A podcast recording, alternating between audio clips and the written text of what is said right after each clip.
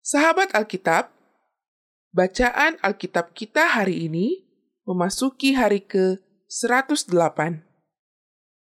Bacaan pertama terambil dari Efesus pasal 4 ayat 1 sampai dengan ayat 16. Sebab itu, aku menasihatkan kamu. Aku, orang yang dipenjarakan karena Tuhan, supaya hidupmu sebagai orang-orang yang telah dipanggil, berpadanan dengan panggilan itu. Hendaklah kamu selalu rendah hati, lemah lembut, dan sabar tunjukkanlah kasihmu dalam hal saling membantu. Dan berusahalah memelihara kesatuan roh oleh ikatan damai sejahtera. Satu tubuh dan satu roh. Sebagaimana kamu telah dipanggil kepada satu pengharapan yang terkandung dalam panggilanmu. Satu Tuhan, satu iman, satu baptisan, satu Allah, dan Bapa dari semua Allah yang di atas semua dan oleh semua dan di dalam semua. Tetapi kepada kita masing-masing telah dianugerahkan kasih karunia menurut ukuran pemberian Kristus. Itulah sebabnya kata Nas, tatkala ia naik ke tempat tinggi, ia membawa tawanan-tawanan. Ia memberikan pemberian-pemberian kepada manusia. Bukankah ia telah naik? Berarti bahwa ia juga telah turun ke bagian bumi yang paling bawah. Ia yang telah turun, ia juga yang telah naik jauh lebih tinggi daripada semua langit untuk memenuhkan segala sesuatu. Dan ialah yang memberikan baik rasul-rasul maupun nabi-nabi, baik pemberita-pemberita Injil maupun gembala-gembala, dan pengajar-pengajar untuk memperlengkapi orang-orang kudus bagi pekerjaan pelayanan, bagi pembangunan tubuh Kristus, sampai kita semua telah mencapai kesatuan iman dan pengetahuan yang benar tentang Anak Allah, kedewasaan penuh, dan tingkat pertumbuhan yang sesuai dengan kepenuhan Kristus, sehingga kita bukan lagi anak-anak yang diombang-ambingkan oleh rupa-rupa angin pengajaran, oleh permainan palsu manusia dalam kelicikan mereka yang menyesatkan. Tetapi dengan teguh berpegang kepada kebenaran di dalam kasih, kita bertumbuh di dalam segala hal ke arah Dia, Kristus yang adalah kepala. Daripadanyalah seluruh tubuh yang rapih tersusun dan diikat menjadi satu oleh pelayanan semua bagiannya, sesuai dengan kadar pekerjaan tiap-tiap anggota menerima pertumbuhannya dan membangun dirinya dalam kasih. Bacaan kedua terambil dari Yeskiel pasal 10 sampai dengan Yeskiel pasal 11.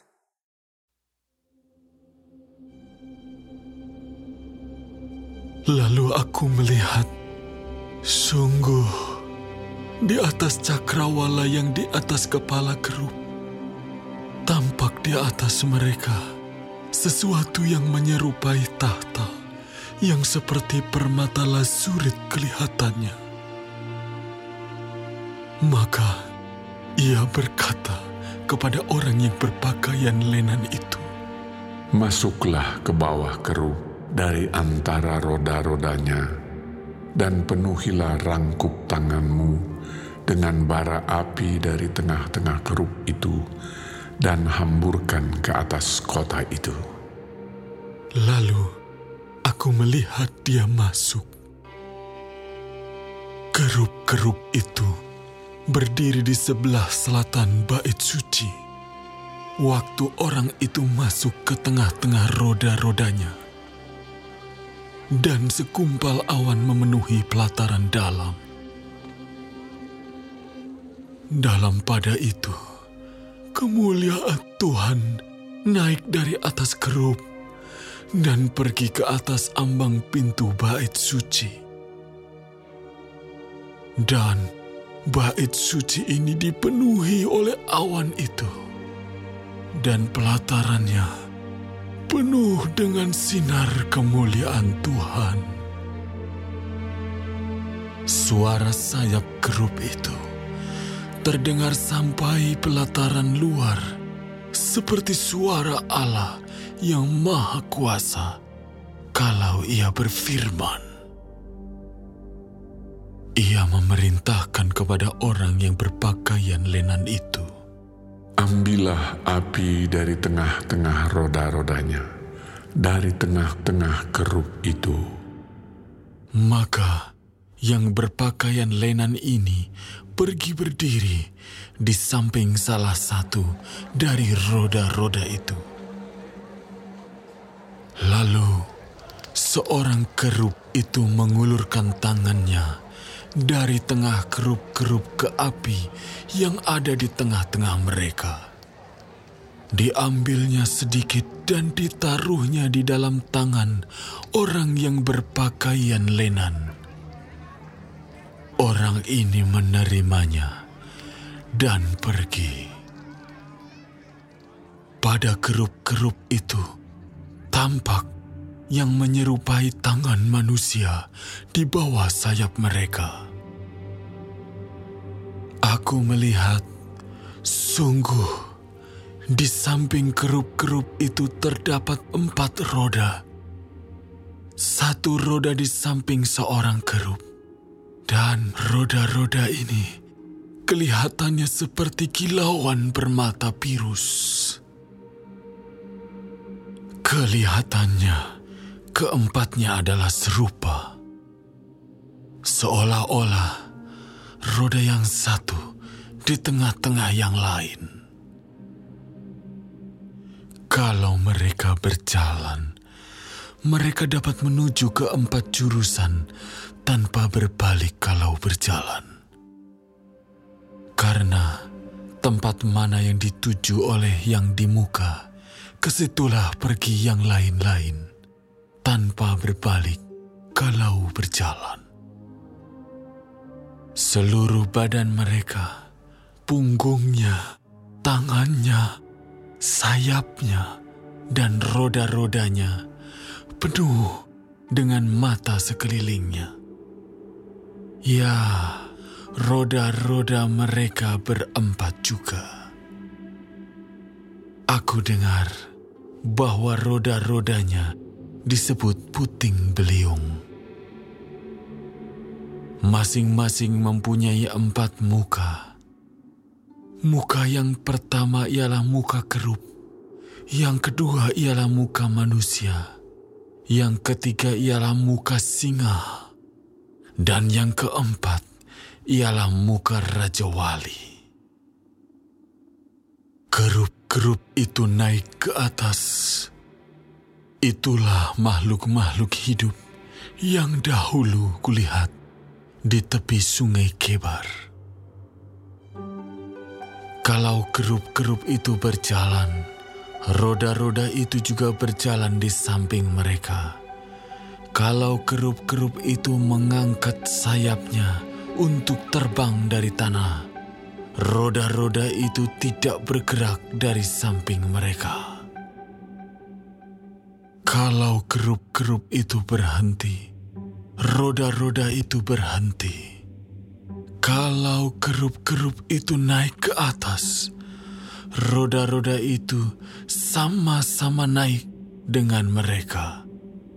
Sebab roh makhluk-makhluk hidup itu ialah di dalam roda-roda itu.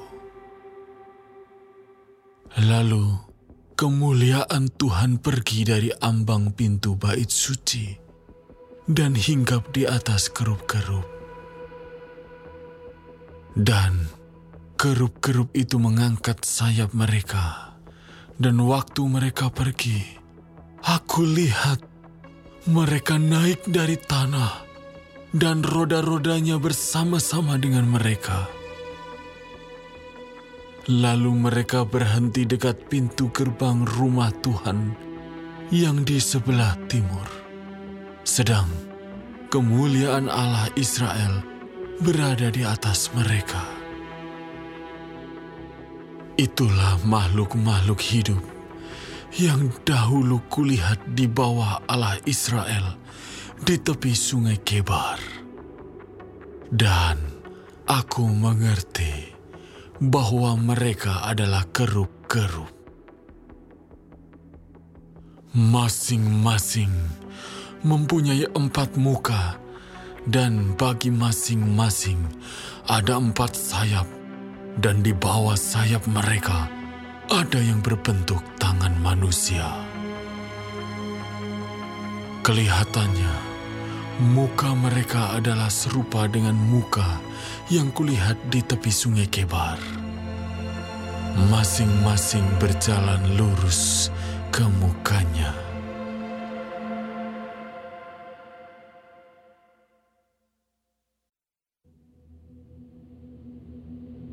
Lalu, roh itu mengangkat aku dan membawa aku ke pintu gerbang timur dari rumah Tuhan pintu yang menghadap ke sebelah timur. Lihat, di dalam pintu gerbang itu ada 25 orang dan di antara mereka kulihat Yaasanya bin Azur dan Pelaca bin Binaya, yaitu pemimpin-pemimpin bangsa. Firmannya kepadaku, Hai anak manusia, Inilah orang-orang yang merancang kedurjanaan dan menaburkan nasihat jahat di kota ini. Yang mengatakan, bukankah belum lama berselang rumah-rumah kita dibangun kembali? Kota inilah periuk dan kita dagingnya. Oleh sebab itu, bernubuatlah melawan mereka Bernubuatlah, hai anak manusia. Maka roh Tuhan meliputi aku, dan Tuhan berfirman kepadaku. Katakanlah, beginilah firman Tuhan. Kamu berkata-kata begini, hai kaum Israel, dan aku tahu apa yang timbul dalam hatimu Orang-orang yang kamu bunuh di kota ini bertambah banyak, dan kamu penuhi jalan-jalannya dengan mereka. Oleh sebab itu, beginilah firman Tuhan Allah.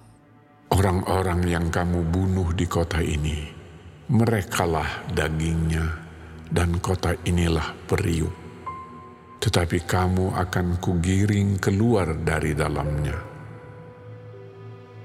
kamu takut kepada pedang, tetapi aku akan mendatangkan pedang atasmu. Demikianlah firman Tuhan Allah. Aku akan menggiring kamu keluar dari dalamnya dan menyerahkan kamu di tangan orang-orang asing dan menjatuhkan hukuman-hukuman kepadamu. Kamu akan berbahan karena pedang, dan di tanah Israel aku akan menghukum kamu, dan kamu akan mengetahui bahwa akulah Tuhan. Kota ini tidak akan menjadi periuk bagimu, ataupun kamu seakan-akan daging di dalamnya. Di tanah Israel aku akan menghukum kamu dan kamu akan mengetahui bahwa akulah Tuhan. Karena kelakuanmu tidak selaras dengan ketetapan-ketetapanku, dan peraturan-peraturanku tidak kamu lakukan. Bahkan engkau melakukan peraturan-peraturan bangsa-bangsa yang di sekitarmu. Maka, sedang aku bernubuat matilah Pelaja bin Benaya. Lalu aku sujud dan berseru dengan suara nyaring. Kataku, aduh, Tuhan Allah, apakah engkau menghabiskan sisa Israel? Kemudian datanglah firman Tuhan kepadaku. Hai anak manusia, penduduk-penduduk Yerusalem berkata tentang semua saudara-saudaramu, tentang kaum kerabatmu dan segenap kaum Israel dalam keseluruhannya. Mereka telah jauh dari Tuhan. Kepada kami tanah ini diberikan menjadi milik. Oleh sebab itu, katakanlah, Beginilah firman Tuhan Allah. Walaupun aku membawa mereka jauh-jauh di antara bangsa-bangsa dan menyerahkan mereka di negeri-negeri itu, dan aku menjadi tempat kudus yang sedikit artinya bagi mereka di negeri-negeri di mana mereka datang. Oleh sebab itu, katakanlah, beginilah firman Tuhan Allah Aku akan menghimpunkan kamu dari bangsa-bangsa dan mengumpulkan kamu dari negeri-negeri di mana kamu berserak, dan aku akan memberikan kamu tanah Israel. Maka sesudah mereka datang di sana, mereka akan menjauhkan segala dewa-dewanya yang menjijikkan dan segala perbuatan-perbuatan yang keji dari tanah itu. Aku akan memberikan mereka hati yang lain dan roh yang baru di dalam batin mereka. Juga aku akan menjauhkan dari tubuh mereka hati yang keras dan memberikan mereka hati yang taat, supaya mereka hidup menurut segala ketetapanku dan peraturan-peraturanku dengan setia, maka mereka akan menjadi umatku dan aku akan menjadi Allah mereka. Mengenai mereka yang hatinya berpaut pada dewa-dewanya yang menjijikkan dan pada perbuatan-perbuatannya yang keji, aku akan menimpakan kelakuan mereka atas kepalanya sendiri. Demikianlah firman Tuhan Allah. Maka kerup-kerup itu mengangkat sayap mereka, dan roda-rodanya bergerak bersama-sama dengan mereka. Sedang kemuliaan Allah Israel berada di atas mereka. Lalu, kemuliaan Tuhan naik ke atas dari tengah-tengah kota dan hinggap di atas gunung yang di sebelah timur kota. Dan roh itu mengangkat aku dan membawa aku kembali di dalam penglihatan yang dari roh Allah ke negeri Kasdim kepada para buangan. Lalu menghilanglah penglihatan yang kulihat itu daripadaku dan aku sampaikan kepada para buangan itu segala sesuatu yang diperlihatkan Tuhan kepadaku.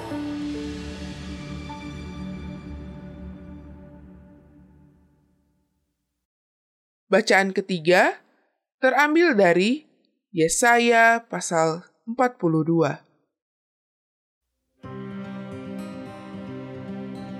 Lihat itu hambaku yang kupegang, orang pilihanku yang kepadanya aku berkenan. Aku telah menaruh rohku ke atasnya, supaya ia menyatakan hukum kepada bangsa-bangsa. Ia tidak akan berteriak atau menyaringkan suara atau memperdengarkan suaranya di jalan. Buluh yang patah terkulai tidak akan diputuskannya, dan sumbu yang pudar nyalanya tidak akan dipadamkannya.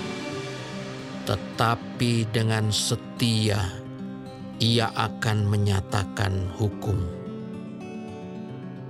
Ia sendiri tidak akan menjadi pudar dan tidak akan patah terkulai sampai ia menegakkan hukum di bumi.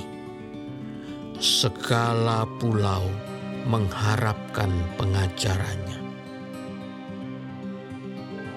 Beginilah firman Allah, Tuhan yang menciptakan langit dan membentangkannya, yang menghamparkan bumi dengan segala yang tumbuh di atasnya, yang memberikan nafas kepada umat manusia yang mendudukinya, dan nyawa kepada mereka yang hidup di atasnya. Aku ini Tuhan, telah memanggil engkau untuk maksud penyelamatan. Telah memegang tanganmu, aku telah membentuk engkau dan memberi engkau menjadi perjanjian bagi umat manusia, menjadi terang untuk bangsa-bangsa, untuk membuka mata yang buta untuk mengeluarkan orang hukuman dari tempat tahanan dan mengeluarkan orang-orang yang duduk dalam gelap dari rumah penjara. Aku ini Tuhan, itulah namaku. Aku tidak akan memberikan kemuliaanku kepada yang lain atau kemasyuranku kepada patung. Nubuat-nubuat yang dahulu sekarang sudah menjadi kenyataan. Hal-hal yang baru hendak kuberitahukan. Sebelum hal-hal itu muncul, aku mengabarkannya kepadamu. Nyanyikanlah nyanyian baru bagi Tuhan, dan pujilah Dia dari ujung bumi. Baiklah laut bergemuruh serta segala isinya, dan pulau-pulau dengan segala penduduknya. Baiklah padang gurun menyaringkan suara dengan kota-kotanya dan dengan desa-desa yang didiami Kedar. Baiklah bersorak-sorai penduduk bukit batu. Baiklah mereka berseru-seru dari puncak gunung-gunung. Baiklah mereka memberi penghormatan kepada Tuhan dan memberitakan pujian yang kepadanya di pulau-pulau. Tuhan keluar berperang seperti pahlawan, seperti orang perang ia membangkitkan semangatnya untuk bertempur. Ia bertempik sorak, ya, ia memekik terhadap musuh-musuhnya, ia membuktikan kepahlawanannya. Aku membisu sejak dahulu kala Aku berdiam diri. Aku menahan hatiku. Sekarang aku mau mengerang seperti perempuan yang melahirkan. Aku mau mengah-mengah dan megap-megap. Aku mau membuat tandus gunung-gunung dan bukit-bukit dan mau membuat layu segala tumbuh-tumbuhannya. Aku mau membuat sungai-sungai menjadi tanah kering dan mau membuat kering telaga-telaga.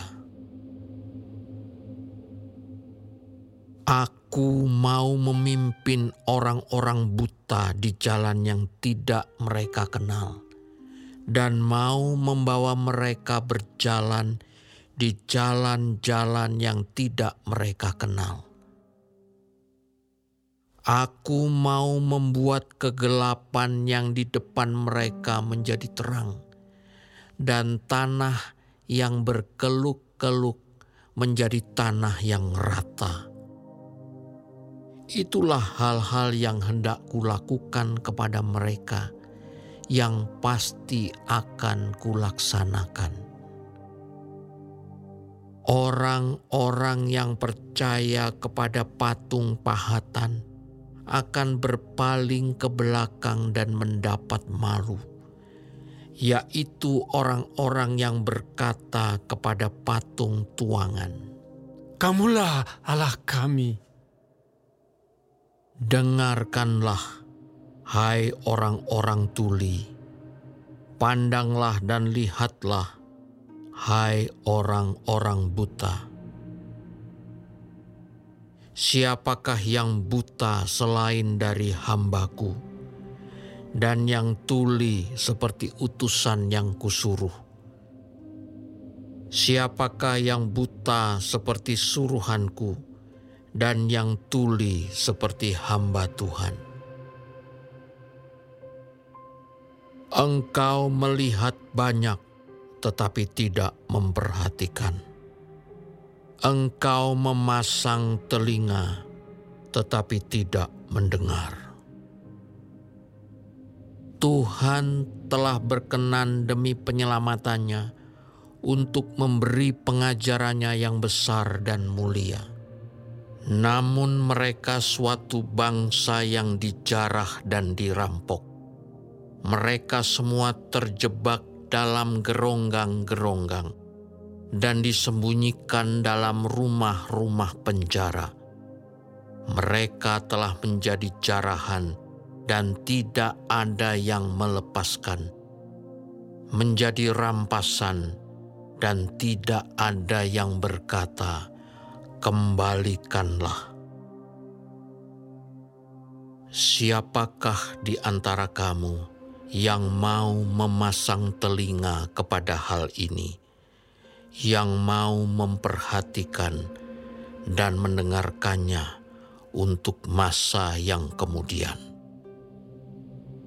Siapakah yang menyerahkan Yakub untuk dirampas dan Israel kepada penjara? Bukankah itu Tuhan?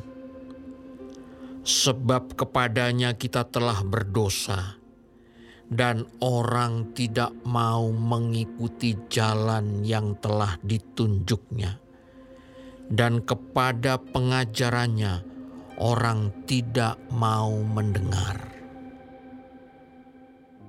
Maka ia telah menumpahkan kepadanya kepanasan amarahnya dan peperangan yang hebat yang menghanguskan dia dari sekeliling, tetapi ia tidak menginsafinya, dan yang membakar dia, tetapi ia tidak memperhatikannya.